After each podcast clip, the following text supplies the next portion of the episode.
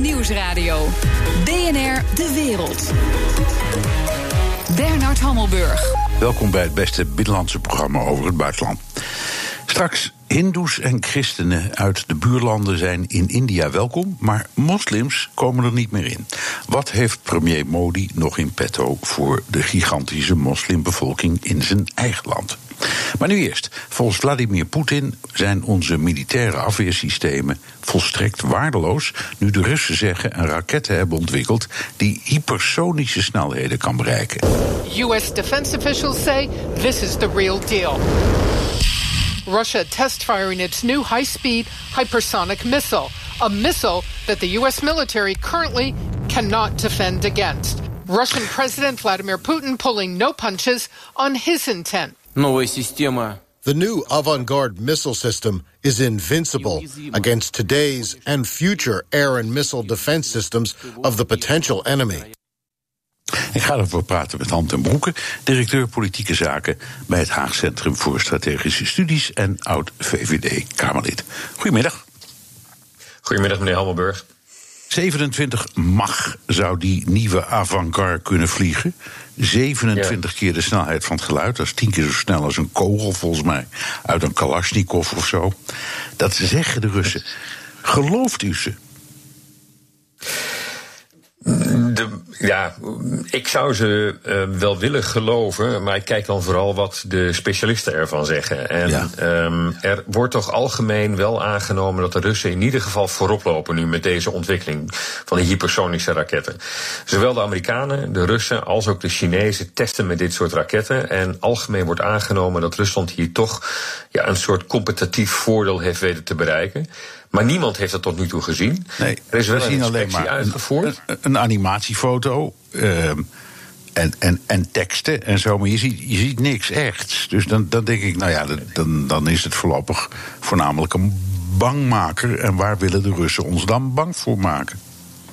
Ja, ze willen natuurlijk in allereerste plaats willen ze uh, kunnen uh, zeggen dat alle verdediging tegen dit soort um, raketten, die um, interballistisch zijn. Dus ze kunnen uh, voorbij het Europese continent uh, kunnen ze vliegen. Ze gaan dus uit de atmosfeer en moeten dan ook weer terugkomen. Dat laatste is nog overigens een groot probleem. Want al die specialisten vragen zich af of de Russen ook daartoe in staat zijn. Dus behalve de snelheid zou die ook met een soort van glijbaan weer terug naar de aarde moeten komen. Um, als de Russen daartoe in staat zijn, ja, dan um, hebben zij een raket weten te ontwikkelen die het mogelijk maakt om alle vormen van uh, defensie, raketschilden die de Amerikanen de afgelopen jaren vaak um, hebben beweerd te willen oprichten, uh, die kunnen die raket, uh, antiraketsystemen penetreren. En daarmee krijgen ze dus een enorme voorsprong ja. op dat gebied. Dus dan kunnen we zeggen de westerse afweersystemen op de schroothoop. Um, en dan is de boodschap van de Russen: jullie zijn totaal onverdedigbaar. Ja, dat is dus de boodschap die Poetin ook uh, direct uh, liet weten. Dat heeft hij zowel in maart gedaan bij zijn State of the Union als nu recentelijk weer. Hij zegt eigenlijk twee dingen. Er is geen enkel land dat al hypersonische wapens, raketten bezit. Wij wel, zegt hij. Nou, daarvan wordt algemeen aangenomen dat ze wel heel ver zijn, maar niemand kan dat bewijzen bij leveren. Um, maar wat ernstiger is, is dat het ook om intercontinentale hypersonische raketten ja. zou gaan. En ja, daarmee wordt een tweede verdrag binnen één jaar um, eigenlijk waardeloos. We na het, het, na het INF-verdrag over middellange afstandsraketten. Precies, dat was het ja. verdrag wat eigenlijk Europa veilig hield. Uh, Europa vrij hield van, van uh, kruiswapens. U herinnert zich de, de, de periode in de jaren tachtig dat er ook in Nederland uh, zwaar gedemonstreerd werd tegen deze wapens. Nou, dat verdrag hebben de Amerikanen en de Russen eigenlijk verscheurd. Met name omdat ze hun handen vrij willen hebben om een Chinese dreiging af te kunnen wenden. Maar ook op het gebied van intercontinentale raketten lijkt er nu een ontwikkeling plaats te vinden. Ja, die heel zorgwekkend is. En die maakt dat we weer midden in een ja, nieuwe wapenwetloop op het ja. gebied van dit soort raketten komen te zitten. Even over dat verscheuren. Als ik me goed herinner, was de aankondiging van Poetin over dat dat nieuwe wapen een van de redenen voor Trump om te zeggen: ja, dan heeft dat hele INF-verdrag geen zin meer. Klopt dat? Wat ik, of herinner ik me dat verkeerd? De, zowel de Russen als de Amerikanen hebben eigenlijk um, gelegenheidsargumentatie gebruikt om af te komen van die uh, Koude Oorlog um, akkoorden uh, die ooit tussen uh, Gorbachev en Reagan uh, zijn gesloten. Um, waar op het gebied van het START-verdrag, het New START-verdrag, dat gaat dan met name over die intercontinentale raketten, nu ook een, een, een, mes in lijkt te zijn gezet. Dus het is heel zorg, zorgelijk, want daarmee komen we ja, na drie decennia uh, van relatieve rust komen we ineens weer in een situatie die we daarvoor kenden. Uh, waarbij een nieuwe wapenwetloop dreigt. Maar niet alleen tussen de Russen en de Amerikanen, maar eigenlijk tussen veel meer landen die daaraan deelnemen. Ja, het, het, deed me, het verhaal deed me een beetje denken aan uh, de ontwikkeling van de Sovjet. atoombom, of dat was toen een waterstofbom in 1953. Ja. ja, daar waren we ja. totaal door verbijsterd. Um, um, die kwam, no pun intended, zomaar uit de lucht vallen. Is, is dit net zoiets? Ja, um, ik, ik, ik durf dat te betwijfelen. We weten nu veel meer.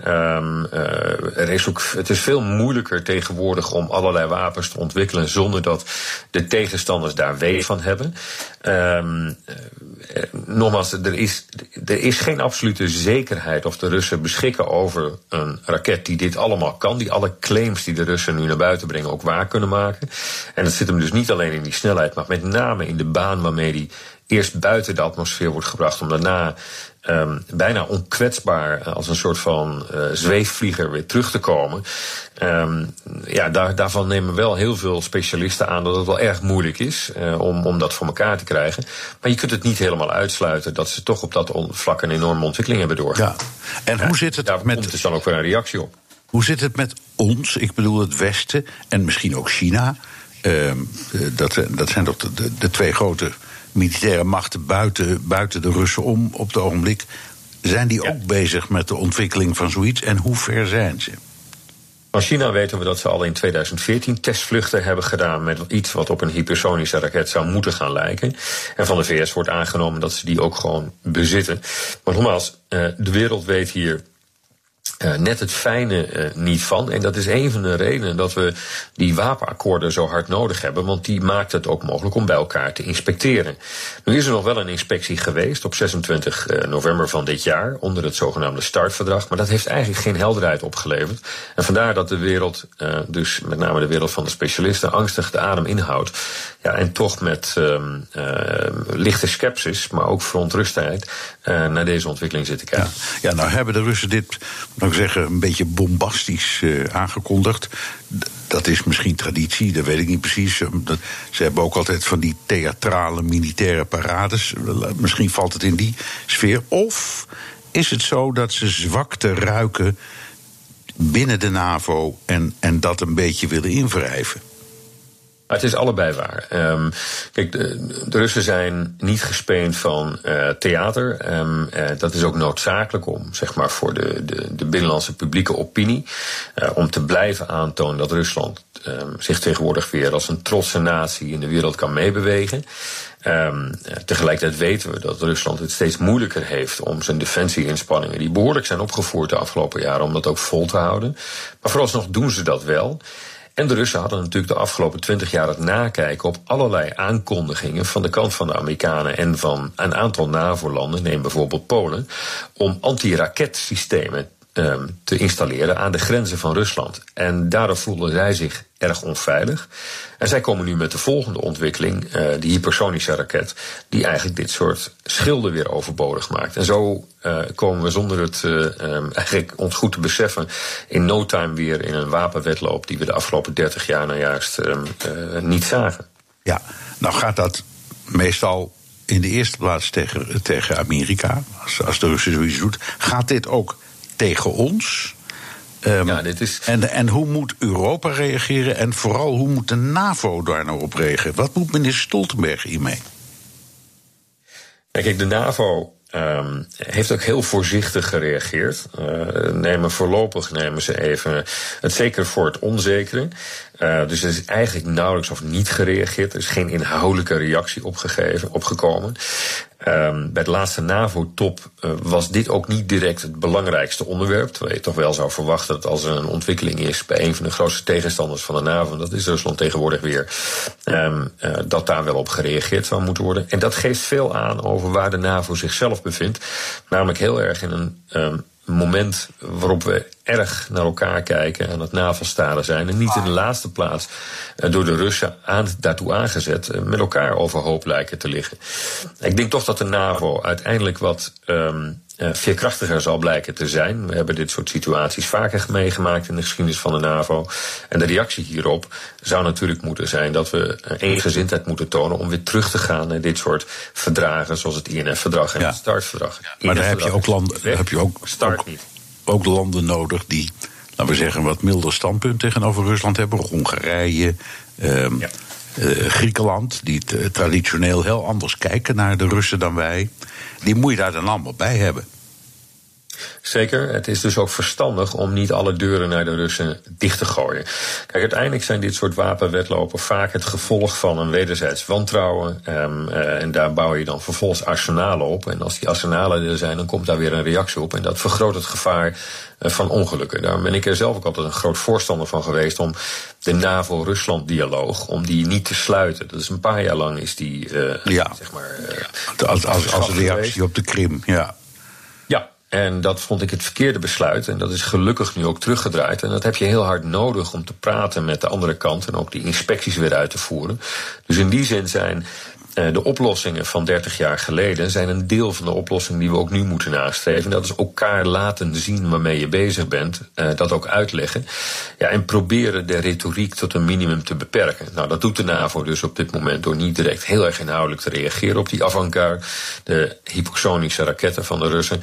Uh, nog even het zekere voor het onzekere te nemen. Um, en voor Europa geldt dat wij nu eindelijk um, binnen de NAVO ja, onze eigen veiligheidsbroek moeten gaan ophouden. Dat we dus zelf um, de bijdrage moeten gaan leveren die de Amerikanen niet meer kunnen leveren. Dat we zelf moeten gaan zorgen voor onze continentale veiligheid. Ook als het gaat om, uh, om kernwapens, vrees ik. En ja, dat is natuurlijk nog een heilig huisje, wat in heel veel landen, uh, dat hebben we erg graag aan de Amerikanen uh, overgelaten. Maar die doen dat niet meer voor ons. Zo dadelijk. Welke smeulende brandjes dreigen in 2020 uitslaande branden te worden?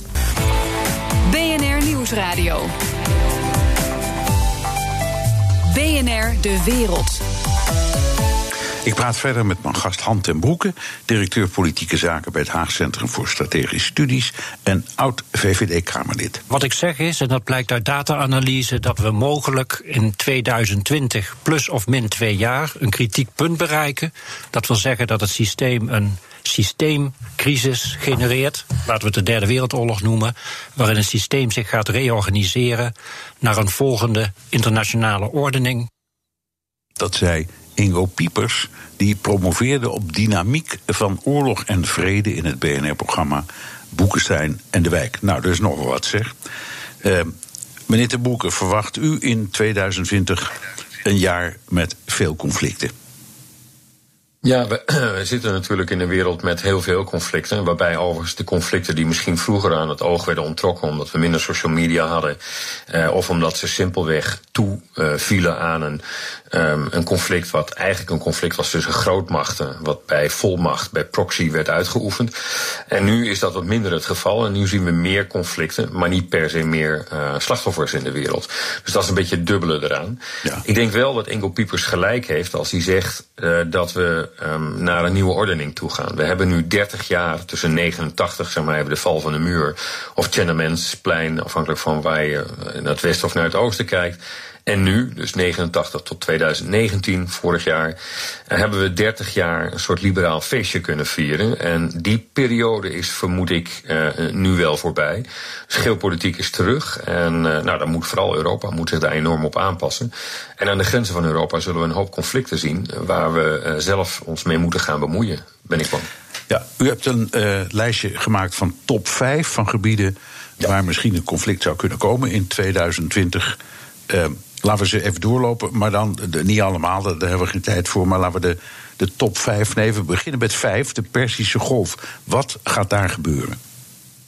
We hebben natuurlijk nu gezien dat de spanningen tussen de VS en Iran behoorlijk zijn opgelopen nadat vorig jaar, begin vorig jaar, eh, de Amerikaanse president natuurlijk dat um, verdrag wat Iran um, had gesloten met de Europese Unie en nog een paar landen om geen kernwapen te ontwikkelen, dat verdrag is nu weg. En sindsdien zijn de spanningen enorm opgelopen. En nu hebben ook Europese landen aangegeven dat ze om de golf van Hormuz vrij te houden, het scheepvaartverkeer daar vrij te houden, om daar Eh, om daar uh, boten naartoe te laten gaan. Uh, die zijn er eigenlijk voor een heel ouderwets doel, namelijk het vrijhouden van de, van, van de zeevaart. Iets wat vroeger heel erg in ons eigen belang was. Tegenwoordig ook in het belang van de Chinezen. Die doen daar helaas zelf niet aan mee. Dus ik denk dat dit een conflict is wat, um, ook al omdat er um, in de golf nog wel wat meer aan de hand is, denk aan Jemen, um, uh, waar we heel erg goed moet, op moeten letten. Uh, want daar is voor het eerst sinds lange tijd is daar ook weer westerse inmenging. En ik, ik, denk dus dat dat een conflict is waar de ogen van de wereld op gericht zullen moeten. Ja, zo'n fregat dat uh, is macht die je laat zien, maar je maakt jezelf ook kwetsbaar.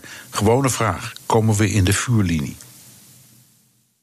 Ja, wij komen in een vuurlinie. De vraag is alleen of er ook gevuurd zal worden. Het Nederlandse vergat dat daar naartoe gestuurd is, de Van Spijk, zal uh, keurig uh, in internationale wateren blijven. Dat is althans wel te verwachten.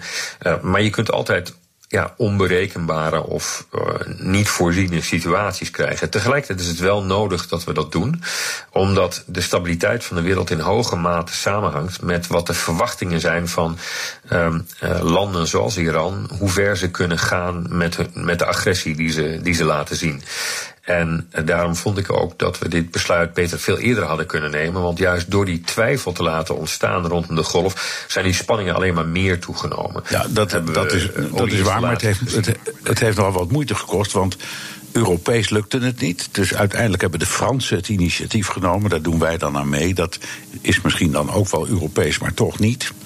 Uh, het is in elk geval niet een EU-besluit. Uh, is dat betreurenswaardig? Of moeten we zeggen, nou ja, Frankrijk met nog wat anderen is in elk geval beter dan niks? Nou, het is helemaal niet betreurenswaardig, want een EU-besluit uh, zal daar ook niet snel komen. Een EU is uiteindelijk een civiele organisatie, moet dat ook blijven. Het kan hoog Wel, maar dan kun je zeggen, de, de EU-landen verklaren zich solidair, of die, doen, die zeggen, we steunen het allemaal, we, we doen niet allemaal mee met de uitvoering, maar we staan er wel achter. Dat is eigenlijk ook niet gebeurd. Nee, dat is waar. Uh, het, is, um, het is heel raar gelopen. Het had ook alles te maken met de regeringswissel in Londen. Uh, het was met name de uh, Britse minister Hunt, de voorgaande minister van Buitenlandse Zaken, die dus het veld heeft moeten ruimen met de regering May. Die dacht dat hij al met een aantal Europese ja, landen waar Nederland ze binnen één dag af. Ja. De ene dag zei hij ja. we gaan met een Europese missie, en de volgende dag zeiden de Britten nee, we doen met de Amerikanen mee. Ja, daar zat dus wel iets tussen, namelijk dat, hij, dat die regering meeviel en Boris ja. Johnson aantrad. Um, en die kozen voor om zijn buitenlandbeleid eigenlijk vooral op, de, op dat van Washington, op dat van, van Trump af te stemmen. Uh, sommige mensen zeggen zelfs daarnaar uit te outsourcen. Nou, hoe, hoe het ook zij, er is nu een Europese deelname. Dat zijn Europese landen die daar belang bij hebben, die dat ook kunnen, die een maritieme uh, traditie hebben, zoals Nederland. Uh, nou ja, daar kun je over steggelen of dat te laat is geweest. Het is nu in ieder geval gebeurt. Ik vind het belangrijk dat we daar weer aanwezig zijn en ook laten zien dat we niet accepteren dat de wereld op allerlei vlakken um, instabieler wordt. Maar we moeten wel kijken naar wat, dat, wat ons daar heeft gebracht. En dat is in dit geval toch echt het optreden van de Amerikaanse regering, die eerst die deal heeft verscheurd, die ik geen ideale deal vond, laat ik daar duidelijk over zijn, die Iran-deal. Um, maar het verscheuren van die deal heeft tot veel meer ellende geleid. Um, en kan mogelijk ook nog gaan interfereren met een aantal regionale conflicten die daarbij zitten. Zoals uh, Jemen, die ook in mijn top, uh, top 5 zitten. Uh, van, van, die staat op nummer 2. Conflicten waar we naar moeten kijken. Ja, ja. ja Ben, zijn we zijn ja, het volgende kwijt, maar doe maar. Uh, nou ja, we hebben daar, dat, ja. Het is bijna 100.000 burgers wordt aangenomen, hebben daar al het leven bij gelaten. Het is de grootste humanitaire crisis volgens de VN. Um, het is het armste land in de Arabische wereld. En um, ja, sinds 2018 zie je iets meer internationale um, uh, bemoeienis. Niet alleen van de VN, maar ook van anderen. We hebben in uh, Stockholm in uh, december een, een, een, heel voorzichtig stakend vuren gezien rondom een plaats Hodeida, de Rode Zee.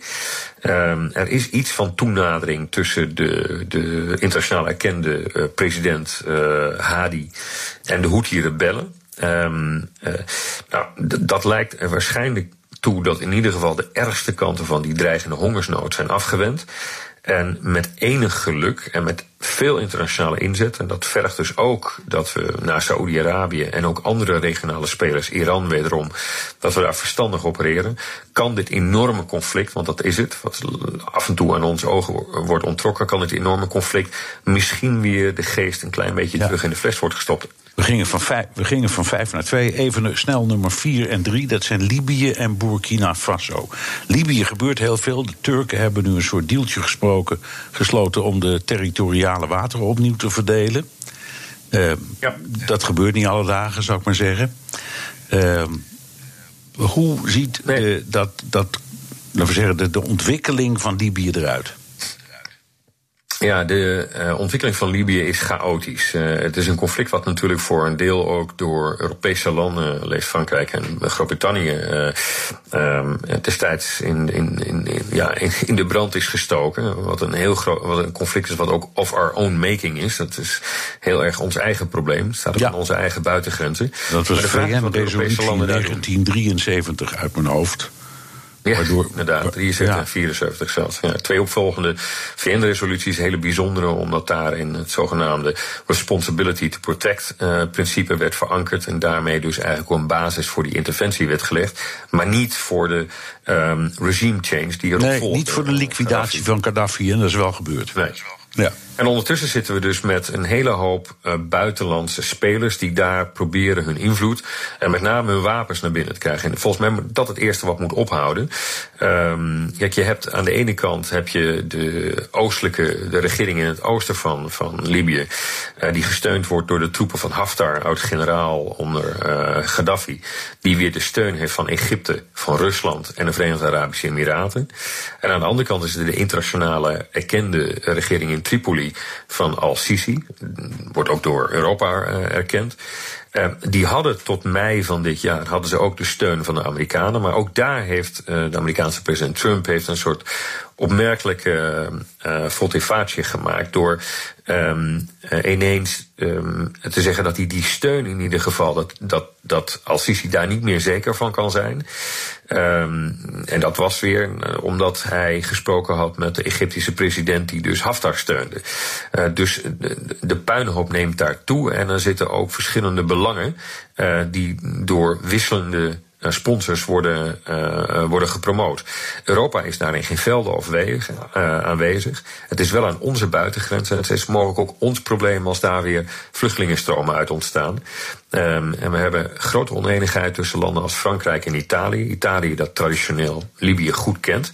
En ook de, de regering Al-Sisi steunt. Uh, sorry, uh, die de regering uh, Sarraj, ik zei net Al-Sisi, maar dat moest zijn Sarraj. Dat is Egypte, maar goed. Ja. Al-Sisi is Egypte en Sarraj is natuurlijk Libië. de internationaal erkende regering in Libië wordt met name, daar zit Italië zit in de driver's seat, maar ook de Fransen lijken daar een beetje op twee schaakborden tegelijkertijd te spelen, doordat ze ook met Haftar um, regelmatig in Parijs te zien. Oké, okay, we hebben nog een halve minuut. Kunnen we dan nummer één op de lijst doen? Dat is Afghanistan ja, ik zou bijna zeggen een oude getrouwe, lijkt een beetje weg. Ja. Toch ben ik daar wat optimistischer over. Um, uh, ik denk dat uh, de regering Trump, om hier nu maar eens wat positiefs over te zeggen, dat ze er verstandig aan doen om die deal met de Taliban proberen rond te krijgen. Um, daar zijn de eerste beginselen voor gelegd in Camp David. Uh, wellicht dat daar het komende jaar nog wat meer positief nieuws te verwachten is.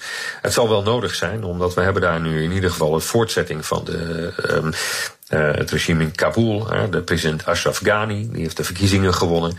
Uh, en het komt er nu op aan dat het tussen de Taliban en de regering in Kabul, dat er overeenkomsten worden gesloten. Daarmee kunnen de Amerikanen en westerse troepen na, wat is het, bijna 30 jaar weg.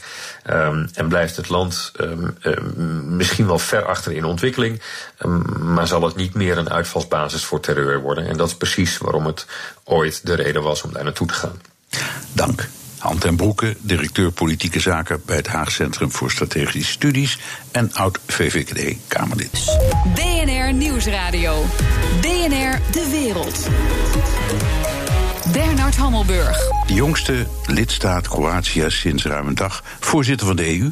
En al gelijk gooit het een flinke steen in de vijver. Premier Plenkovic twijfelt openlijk aan de wenselijkheid van open grenzen binnen de EU. Europa-verslaggever van dienst is vandaag Diederik de Groot. Goedemiddag. Goedemiddag. Uh, gooit daarmee ogenschijnlijk een klein bommetje op het Schengen-verdrag. Een van de fundamenten van de Europese samenwerking. Waarom doet hij dat? Dat doet hij puur uit eigen belang. De Kroatische populatie die krimpt de afgelopen jaren enorm. En dat komt enerzijds door vergrijzing. Dat is natuurlijk iets waar uh, meerdere landen, waaronder Nederland, ook mee te maken hebben. Maar ook door een migratie naar andere rijkere EU-lidstaten. Wat natuurlijk mogelijk is omdat de grenzen van Kroatië richting die lidstaten openstaan. Sinds zij in 2013 lid zijn geworden van de Europese Unie. En sinds 2013 is daarmee ook al 5% van de Kroatische bevolking naar die andere EU-lidstaten vertrokken. En Plenkovic zegt in een interview met de Financial Times dan ook van ja, wij verliezen elk jaar verliezen wij een stad van 15.000 inwoners. En voor een land met 4 miljoen inwoners, wat Kroatië slechts heeft, is dat gewoon heel erg veel. En zij zijn overigens niet het enige land wat met die problemen kampt van bevolkingskrimp. Van de 28 EU-landen kromt de bevolking van 10 van die landen in het afgelopen jaar. En dat zijn dan vooral landen in Oost-Europa. Ja. Wat verwacht hij nou precies van de Europese Unie? Nou, hij wil het voorzitterschap van zijn eigen land Kroatië gebruiken om dit hoog op de EU-agenda te krijgen. Uh, zelf hebben ze, zegt hij, al van alles gedaan om die bevolkingsgroei uh, te stimuleren. En dat zijn er met name maatregelen die ertoe moeten leiden dat de mensen wat meer kinderen krijgen. Maar dat heeft allemaal niks uitgehaald, zegt hij. En dus hoopt hij dat er nu in EU-verband onderzocht kan worden uh, hoe dit uh, tegen te gaan, welke landen hier het meeste last van hebben. En de EU-commissaris die demografie in de portefeuille heeft, die is ook een Kroatische. En dat is ook iets waar Plenkovic heel hard uh, zijn best voor heeft gedaan. Dat is dus gelukt. Uh, hij zegt ook, ja, dit moet je in EU-verband aanpakken, want als individueel land kan je dit gewoon niet tackelen. Even voor de, voor de duidelijkheid. Hij is niet principieel tegen, tegen, laten we zeggen, het vrije verkeer van mensen. Hè? Nee, het is gewoon puur een praktisch probleem voor een land als Kroatië. Dat dat uh, vrij verkeer van mensen tot gevolg heeft dat er ook vaak hoogopgeleide mensen natuurlijk naar rijkere EU-lidstaten trekken. Ja, brain drain. Er liggen aardig wat pikante onderwerpen op het bord van Kroatië als voorzitter komende half jaar, zoals het vluchtelingenbeleid. En daar wringt het gelijk een beetje. Hè? Ja, klopt. Want Kroatië is zelf de afgelopen jaren door mensenrechtenorganisaties uh, meerdere keren de vingers getikt voor de manier waarop zij met vluchtelingen omgaan. Kroatië is een van de buitengrenzen van Europa. En er zijn meerdere berichten geweest en ook wel bewijzen dat de grenspolitie van Kroatië nou niet bepaald zachtzinnig is omgegaan met mensen die daar de grens over wilden steken. Die werden echt met grof geweld de grens over uh, geslagen. In principe zeggen de andere EU-lidstaten daar nooit zoveel van, omdat het effect ervan is wel dat er heel weinig mensen daardoor de EU via Kroatië binnenkomen. Natuurlijk zullen ze nooit zeggen: wij vinden het wel prima dat jullie daar met de bottenbel te werk gaan. Maar echt veel verontwaardiging hoorde je er ook weer niet over. Nee. En dat wordt natuurlijk wel interessant het komende jaar. Nu je ziet dat in Syrië er weer het nodige ontbrandt. En ook in Libië is het uh, weer zeer onrustig. Als er nu weer een enorme vluchtelingenstroom op gang zou komen, hoe dan de EU-voorzitter aan zijn buitengrenzen met dat soort mensen omgaat als alle ogen van de wereld op die buitengrenzen zijn gericht. Ja, er zijn ook nog landen rondom Kroatië die graag lid van de EU willen worden. Hoe gaan de Kroaten zich daarin opstellen? Nou, ze hebben zelf gezegd dat ze voorstander zijn van uitbreiding uh, met landen zoals Noord-Macedonië en Albanië. Uh, daar moeten de toetredingsgesprekken nog mee starten. Door de, met name bezwaren van Nederland en Frankrijk uh, ligt dat nu nog stil. Met Servië zijn overigens toetredingsgesprekken die zijn al wel begonnen, een buurland van Kroatië. En er zijn wel wat vraagtekens of de Kroaten daarin wel een soort van onafhankelijke scheidsrechter kunnen spelen die in zo'n situatie moet zijn. Er zijn nog allerlei open wonden naar de Balkanoorlogen die nog absoluut niet geheeld zijn. Zo vinden de Kroaten onder meer dat de Serven niet goed meewerken aan het ophelderen van het aantal slachtoffers dat er in die oorlog is gevallen. Maar premier Plenkovic heeft zelf gezegd: wij zullen gewoon onafhankelijk zijn en uh, de mediator. En nou ja, het wordt de komende zes maanden dan interessant om te kijken of ze dat inderdaad gaat lukken. Dankjewel, Diederik de Groot, Europa-verslaggever van dienst. BNR De Wereld. In India woeden al wekenlang hevige rellen over een nieuwe immigratiewet van premier Modi. Want die wet discrimineert moslims. En dat vinden niet alleen de moslims. 16 days into the nationwide protest against the contentious citizenship law, and the women of Shaheen Bagh in New Delhi are undeterred by the 26 dead, arrest of a thousand, and the biting cold. The police say they are only maintaining law and order and deny trying to quell the protests. Ik ga erover praten met Jos Bartman, politicoloog aan de UvA, gespecialiseerd in autoritaire regimes. Hij deed een jaar onderzoek in India. Goedemiddag. Goedemiddag. Hey. Als ik het goed begrijp, zegt de nieuwe wet. Illegale immigranten uit de buurlanden Afghanistan, Bangladesh en Pakistan. die in feite al in, in ehm, eh, India zijn, die krijgen een generaal pardon. Maar alleen als ze Hindoe of Christen zijn. Moslims zijn uitgesloten. Wat is Modi's argument? Ja, nee, dat klopt helemaal. Uh, althans, het gaat om Hindoes, christenen en nog een aantal minderheden, zoals bijvoorbeeld Jains en Boeddhisten uit de landen uh, Bangladesh, Pakistan en Afghanistan, maar niet voor moslims. Het argument van Modi is dat deze minderheden vervolgd worden in die landen en dat het daarom tijd is om ze toch te naturaliseren. en dat moslims eigenlijk al hun, hun eigen land hebben, of hun eigen landen hebben. namelijk, ze kunnen terecht bij in Afghanistan, Bangladesh en Pakistan. Dit is het argument van de overheid in ieder geval. Ja, maar wat ik dan denk is hoeveel immigranten uit die drie buurlanden zijn niet moslim? 10, 100, weet ik veel, een paar duizend. Meer om... kunnen het er niet zijn. En, en, en belangrijker, hoe zit het met de aanzienlijke groep moslims die niet zo orthodox of fanatiek of religieus is en juist daarom dolgraag dat fanatiek fundamentalistische Afghanistan, Pakistan of Bangladesh wil verlaten? Je zou zeggen, ja, die moeten dan toch terecht kunnen in India. Ja, dat, dat zou je zeggen. Dat is ook precies wat de oppositie zegt. Die zegt, het gaat, het gaat helemaal niet om echt het beschermen van minderheden. Want als dat zo was, uh, dan zou je ook kunnen zeggen... moslims uit bijvoorbeeld Myanmar, uh, de Rohingya's... die systematisch vervolgd worden, zouden ook um, een, een, plek moeten kunnen krijgen in India. En dit is de groep ja. waar... Uh, dit is eigenlijk de grootste groep uh, echte religieuze vervolgde mensen die nu op dit moment toevlucht doet in India. Dat zijn geen Hindoes uit die drie omringende moslimlanden. Nee. Met andere woorden, uh, dit is een hele verdachte maatregel waar wellicht ook nog allemaal andere redenen achter zitten. Ja. Ja, maar het is net zo'n beetje. Het klinkt voor mij een beetje alsof je zegt: wij, wij verbieden uh, alle Hindoes uit Groningen toe, toe, uh, toegang tot Amsterdam. Dan denk je, nou, dat worden er zeker drie. Ja, nee, ja. dat zijn er ook niet zo heel veel, inderdaad. Dat is ook raar.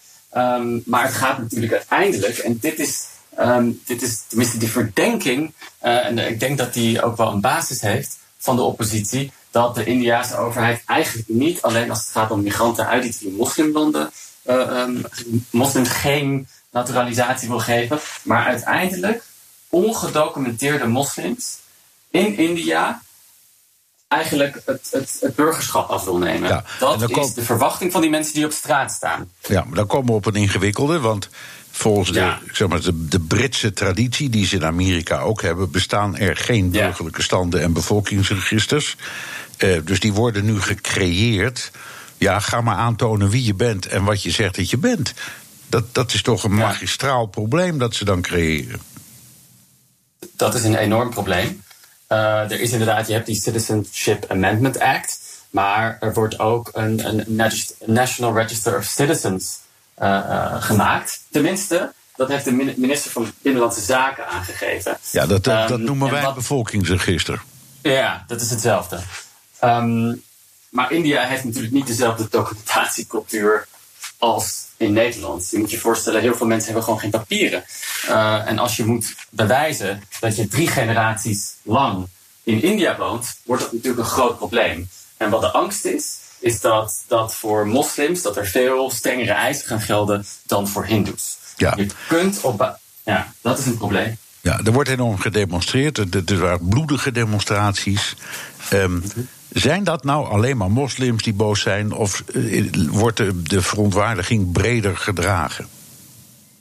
Nee. Ik nee, vraag het is... hierom omdat de, de, de, ja. de, de Indiase grondwet is behoorlijk duidelijk. Die is echt heel seculier. Die maakt geen onderscheid tussen godsdiensten. Ja, het klopt dat de Indiase grondwet heel duidelijk is. Um, maar de overheid probeert dit alsnog. En, en daar kunnen we het misschien zo nog over hebben. Er is een mogelijkheid dat het alsnog wordt doorgevoerd. En dat de Supreme Court er ook helaas niks aan gaat doen. Maar over die demonstraties. Uh, nee, dat klopt niet. Dat zijn niet alleen moslims die demonstreren. Ook dit is wel de verdachtmaking van de overheid. Kijk nou, die moslims, uh, ze bevestigen meteen al ons punt.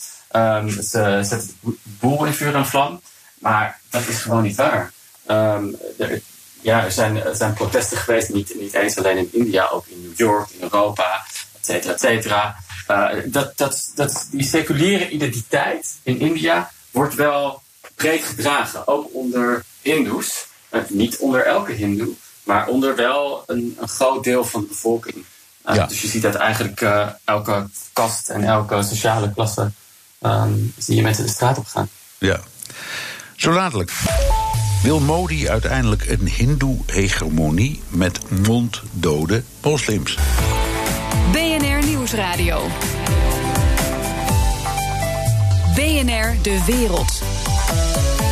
Mijn gast Jos Bartman, politicoloog aan de UvA, gespecialiseerd in autoritaire regimes. Hij deed een jaar onderzoek in India. Indian Prime Minister Narendra Modi's reliance on religious nationalism helped him cruise to re election. Now, the country's minority religious groups worry his victory could escalate violence against them, and it could also exacerbate tensions with rival Pakistan. Modi leaned heavily on his Hindu faith during the electoral campaign, promising to further empower the country's massive Hindu population. India is na Indonesië 's werelds grootste moslimland, groter nog dan Pakistan. Wat wil Modi nou precies? Hindo-hegemonie en monddode moslims, Jos? Uh, ja, ik denk het eigenlijk wel. Uh, Modi heeft natuurlijk een politieke carrière gebouwd op Hindoe-nationalisme. En ook het monddood maken van moslims. Al vanaf dat hij nog geen prime minister was, maar een, een lokale politicus in de staat Gujarat. Um, en hij heeft volgens mij prima door dat het ook werkt. Je hoeft geen pluralist te zijn om verkiezingen te winnen. Je hoeft niet verbindend te zijn en alle bevolkingsgroepen en religies met elkaar te verbinden om stemmen te krijgen. Maar je kan je ook focussen op de meerderheid. Um, en ik denk dat deze maatregelen daar echt goed binnenpassen. Um, in het uh, beste geval gaat het hier om uh, het opstoken van, uh, van ja, eigenlijk frictie tussen moslims en hindoes. Waar die al succes bij kan hebben, electoraal gezien in 2024. Uh, en in het ergste geval gaat het hier om, om maatregelen waarbij een deel van de moslimbevolking eigenlijk het recht naar de stembus wordt ontzegd, omdat ze niet op, die, op, die, op dat bevolkingsregister kunnen komen te staan en daarbij ook niet kunnen stemmen. Um, en dat is natuurlijk zeer zorgelijk. Even, even iets, iets wat me dan te binnen schiet. Die, de, de Hindoe-meerderheid valt ook ja. onder die registratiewet. Kun je nou zeggen, ja, maar die zijn keurig allemaal wel geregistreerd uh, en die voldoen wel aan de criteria? Of wordt hier met twee maten gemeten? Er wordt met twee maten gemeten. Alhoewel, er is nog onduidelijk over die register, er is nog onduidelijkheid over dat register. Want uh, de Modi uh, spreekt soms de minister van Binnenlandse Zaken een beetje tegen. Minister van Binnenlandse Zaken heeft aangegeven dat er verschillende criteria komen voor verschillende religies. Um, dat uh, moslims moeten bewijzen dat ze eigenlijk vanaf voor. Um, 1948. Ja, 47. Ja, nee, ik, ik, ja, nee, ik, ik dacht 1971, dus de, de, eigenlijk de scheiding van Bangladesh. Ja, de afscheiding van India. Bangladesh, ja, ja. Ja, ja, dat je moet bewijzen dat je eigenlijk uh, roots hebt in India van voor die tijd. Um, en dat dat niet geldt voor Hindoes. Um, ja, en dat is, natuurlijk, uh, dat is natuurlijk een groot verschil. Veel moslims gaan dat gewoon niet kunnen aantonen. Dus het zou nee. kunnen dat er mensen zijn die hier voor generaties verblijven uh, ineens uh, nou, geen, uh, geen burgerschap meer hebben. En ook, en dat zou dan kunnen komen, eruit gezet kunnen worden of gedetineerd kunnen worden. Er worden al detentiecentra gebouwd in West-Bengalen en Assam. En uh, de minister van Binnenlandse Zaken heeft ook gezegd: we gaan de, de moslim-infiltranten gaan we identificeren en eruit zetten. Dat is de taal die gesproken wordt, echt. Uh, ja. Dus het, echt, het, is, het is niet mild. Ja, nu behoor je altijd in dit soort dingen ook te zeggen: um, hebben ze misschien ook een punt? Is er een aanleiding of een reden, behalve, laat ik zeggen, puur racisme of zo, om te zeggen: ja, maar er is een reden om de moslimbevolking of een deel daarvan op zijn minst in de gaten te houden, te wantrouwen, noem maar op? Ja, um, nou, dat denk ik eigenlijk niet. Volgens mij is het meest uh, religieuze geweld wat in India plaatsvindt, is, uh, dat is niet per se, komt vanuit ook de, de, de moslimhoek of zo. Je hebt, ja, natuurlijk heb je moslimfundamentalisten in, in India, maar je hebt ook hindoe-fundamentalisten. Um, maar los daarvan is dat denk ik een, een rare manier van argumenteren. Uh, je hebt natuurlijk gewoon het gelijkheidsbeginsel, wat een, wat een integraal onderdeel is van liberale democratieën. Uh, en dat betekent dus ook dat, dat je volgens mij dat debat helemaal niet op die manier um, moet voeren. Maar dat het erom gaat dat je fundamentele rechten hebt. En dat je niet gediscrimineerd mag worden op basis van religie. Nee, maar de, de, de, ik, bedoel, ik, bedoelde, ik bedoelde ook niet te zeggen dat. um, als er verdenkingen zijn, je het recht hebt om een hele bevolkingsgroep te discrimineren. Nee. Alleen zit er, er, er zit vaak ergens iets van een oorzaak of een probleem. Ja. Of, een, uh, of een dingetje ja. dat je denkt, nou ja, daar, daar komt het dan allemaal door. Of is het ja. simpel genoeg zo dat wat destijds India en Pakistan van elkaar heeft gescheiden na de Brits-Indische periode, namelijk een diep gewortelde haat tussen moslims en hindoes, er gewoon nog steeds is? Ja, het, het, het gaat hier, het woord gewoon is hier denk ik heel belangrijk. Volgens mij zijn dat soort rivaliteiten die kunnen natuurlijk wel op de achtergrond smeulen. Maar politici leveren natuurlijk een belangrijke bijdrage aan het opstoken daarvan. En ik denk dat dat heel erg belangrijk is. Natuurlijk zijn er, um, is er een soort van animositeit tussen Hindoes en moslims, historisch gezien. Maar politici doen ook hun best, en in dit geval heb ik het over Modi, om dat soms echt op te stoken. Um, met toch wel als oogpunt electoraal succes. Ja, en die, en, um, dus en, als je het hebt over waar, wat is nou de oorzaak van uh, het feit dat Modi dit door, doorvoert, dan denk ik niet echt aan nou, uh, uh, moslimfundamentalisten. Fundamentalisme. Ik denk ook niet aan het officiële verhaal van er komen zoveel illegale immigranten uit moslimlanden en die moeten, die moeten we identificeren. Ik denk echt dat het hier gaat om macht. En gaat uiteindelijk om een soort politiek uh, debat te hebben. waarbij de, de BJP, de party van Modi. het altijd goed heeft gedaan. En altijd in staat is geweest om, om electorale successen te boeken. Ja. En hoe ziet dat er nu uit? Want er zijn verkiezingen in, wat is het, 24 hè? 24, ja. ja. ja. Uh, ziet het er naar uit dat deze aanpak hem electoraal ook succes gaat bieden? Of bestaat de kans dat het volk op een bepaald moment zegt: die polarisatie zijn we zat? Ja, um, ik ben daar nog niet helemaal uit, maar ik ben niet. Ik, ik, ben, ik ben behoorlijk negatief, denk ik. Aan de ene kant kan je zeggen: ja, India heeft natuurlijk wel redelijk uh, goede democratische instituties. Verkiezingen lopen redelijk goed en worden serieus genomen. En de Indiaanse bevolking houdt van uh, politieke leiders um, die een beetje in de, in de stress zitten. Met andere woorden, er is veel. Uh, er worden veel mensen weggestemd. Het is niet vaak zo dat dezelfde politieke leider of dezelfde politieke partij voor decennia aan de macht is. Dus het zou kunnen dat Modi, dat Modi en de BJP ook gewoon een keer uh, een flinke klap terugkrijgt. Maar wat er nu gebeurt, is natuurlijk dat er ook. Er wordt um, echt gerommeld met bijvoorbeeld de informatievoorziening die er is in het land. Um, het internet uh, ligt eruit op veel plekken. Uh, niet alleen in Kashmir, maar ook naar aanleiding van die demonstraties. Dus ja, dat betekent natuurlijk ook oppositieleiders worden in sommige gevallen opgepakt. En op die manieren wordt het natuurlijk ook lastiger voor oppositie om een, om een argument te formuleren, om, om, om, om deel te nemen aan, aan, aan politiek, et cetera, et cetera. Dus ik denk, ja, ik kan me ook zomaar voorstellen dat, dat Modi er gewoon uh, uh, toch, een, uh, toch een zegen uithaalt op deze ja, manier. Of, of, of, of misschien nog wel extremer wordt. Als, als, als het allemaal werkt. Wordt. Ja. Ja, en het heeft, het heeft natuurlijk ook een zichzelf versterkend effect. Want je hebt die demonstraties. Uh, en, en daarop volgt natuurlijk uh, een internet shutdown. Dus het internet gaat eruit. Uh, er is artikel 144 van de Criminal Procedure is ingetrokken. Wat betekent dat je, niet, dat je op heel veel plekken met niet meer dan vier mensen uh, op straat mag staan. Uh, dat soort maatregelen doen echt denken aan een soort noodtoestand. Ja. En daar bevindt India zich op dit moment ja, in. Ja, als ik aan India denk, dan denk ik op het moment dat je daar staat, sta je niet met vier mensen, maar met vier nee. miljoen mensen om je heen. Dus dat wordt een hele lastige. Ja. Dat is ook een lastige. Ja. Um, is er een kans dat om de een of andere reden uh, Modi zegt: ik, ik trek dit toch weer in. Uh, de protesten zijn te hoog, te groot, het toerisme begint te lijden. de internationale kritiek neemt toe. Ik moet even nee. uitkijken.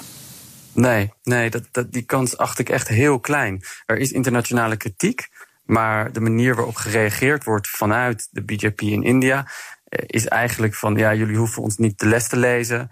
Uh, internationale standaarden als het gaat om mensenrechten. Uh, uh, ja, die, daar hebben we niet zoveel mee. We hebben onze eigen standaarden. Op die manier wordt erop gereageerd. Er zijn al een paar Europeanen die meededen met die demonstraties in India het land uitgezet. Dus er is geen enkel signaal wat erop, wat erop duidt dat Modi dit in gaat trekken. En dan op regeringsniveau. Ik hoor de Europese Unie niet, ik hoor Amerika niet, ik hoor Nederland niet. Uh, ik ben ervan nee. overtuigd dat elke ambassade in India zijn eigen thuisfront uh, bekogelt met goede analyses, zoals jij dat nu ook doet. Ja. dus waarom horen we niks uit Washington, Brussel of Den Haag?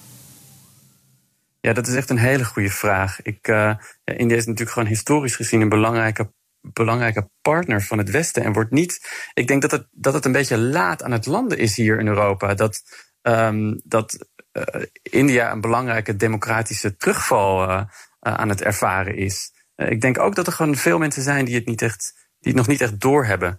Nee, dat kan toch ook niet waar zijn? Het land van de goeroes en de matjes en de yoga en ja. kom op zeg. Aardige ja. mensen die doen zulke dingen helemaal niet. Ja, ja, wellicht is dat het idee, maar dat is natuurlijk helemaal niet het geval. Um, nee. Het is hartstikke serieus. Het enige, om nog even terug te komen op het punt. Je, je, je vroeg net, uh, is er nog een kans dat Modi het intrekt? Wat natuurlijk nog wel kan, is dat de Supreme Court hier iets over gaat zeggen. Je zei net zelf al, India is een seculier land. En ja. uh, de Supreme Court is de partij die geacht wordt de, constitutie in de gaten te houden. Um, en er liggen uh, tientallen petities bij de Supreme Court. De Supreme Court moet de overheid daar nog over ondervragen. En op basis daarvan kunnen ze de, uh, hier nog een stokje voor steken.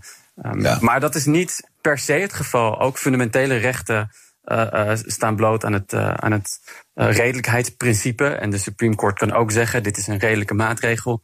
Dus je kan dit gewoon door laten gaan. Ja, ik moet steeds denken aan Slumdog Millionaire, die film van elf yeah. jaar geleden.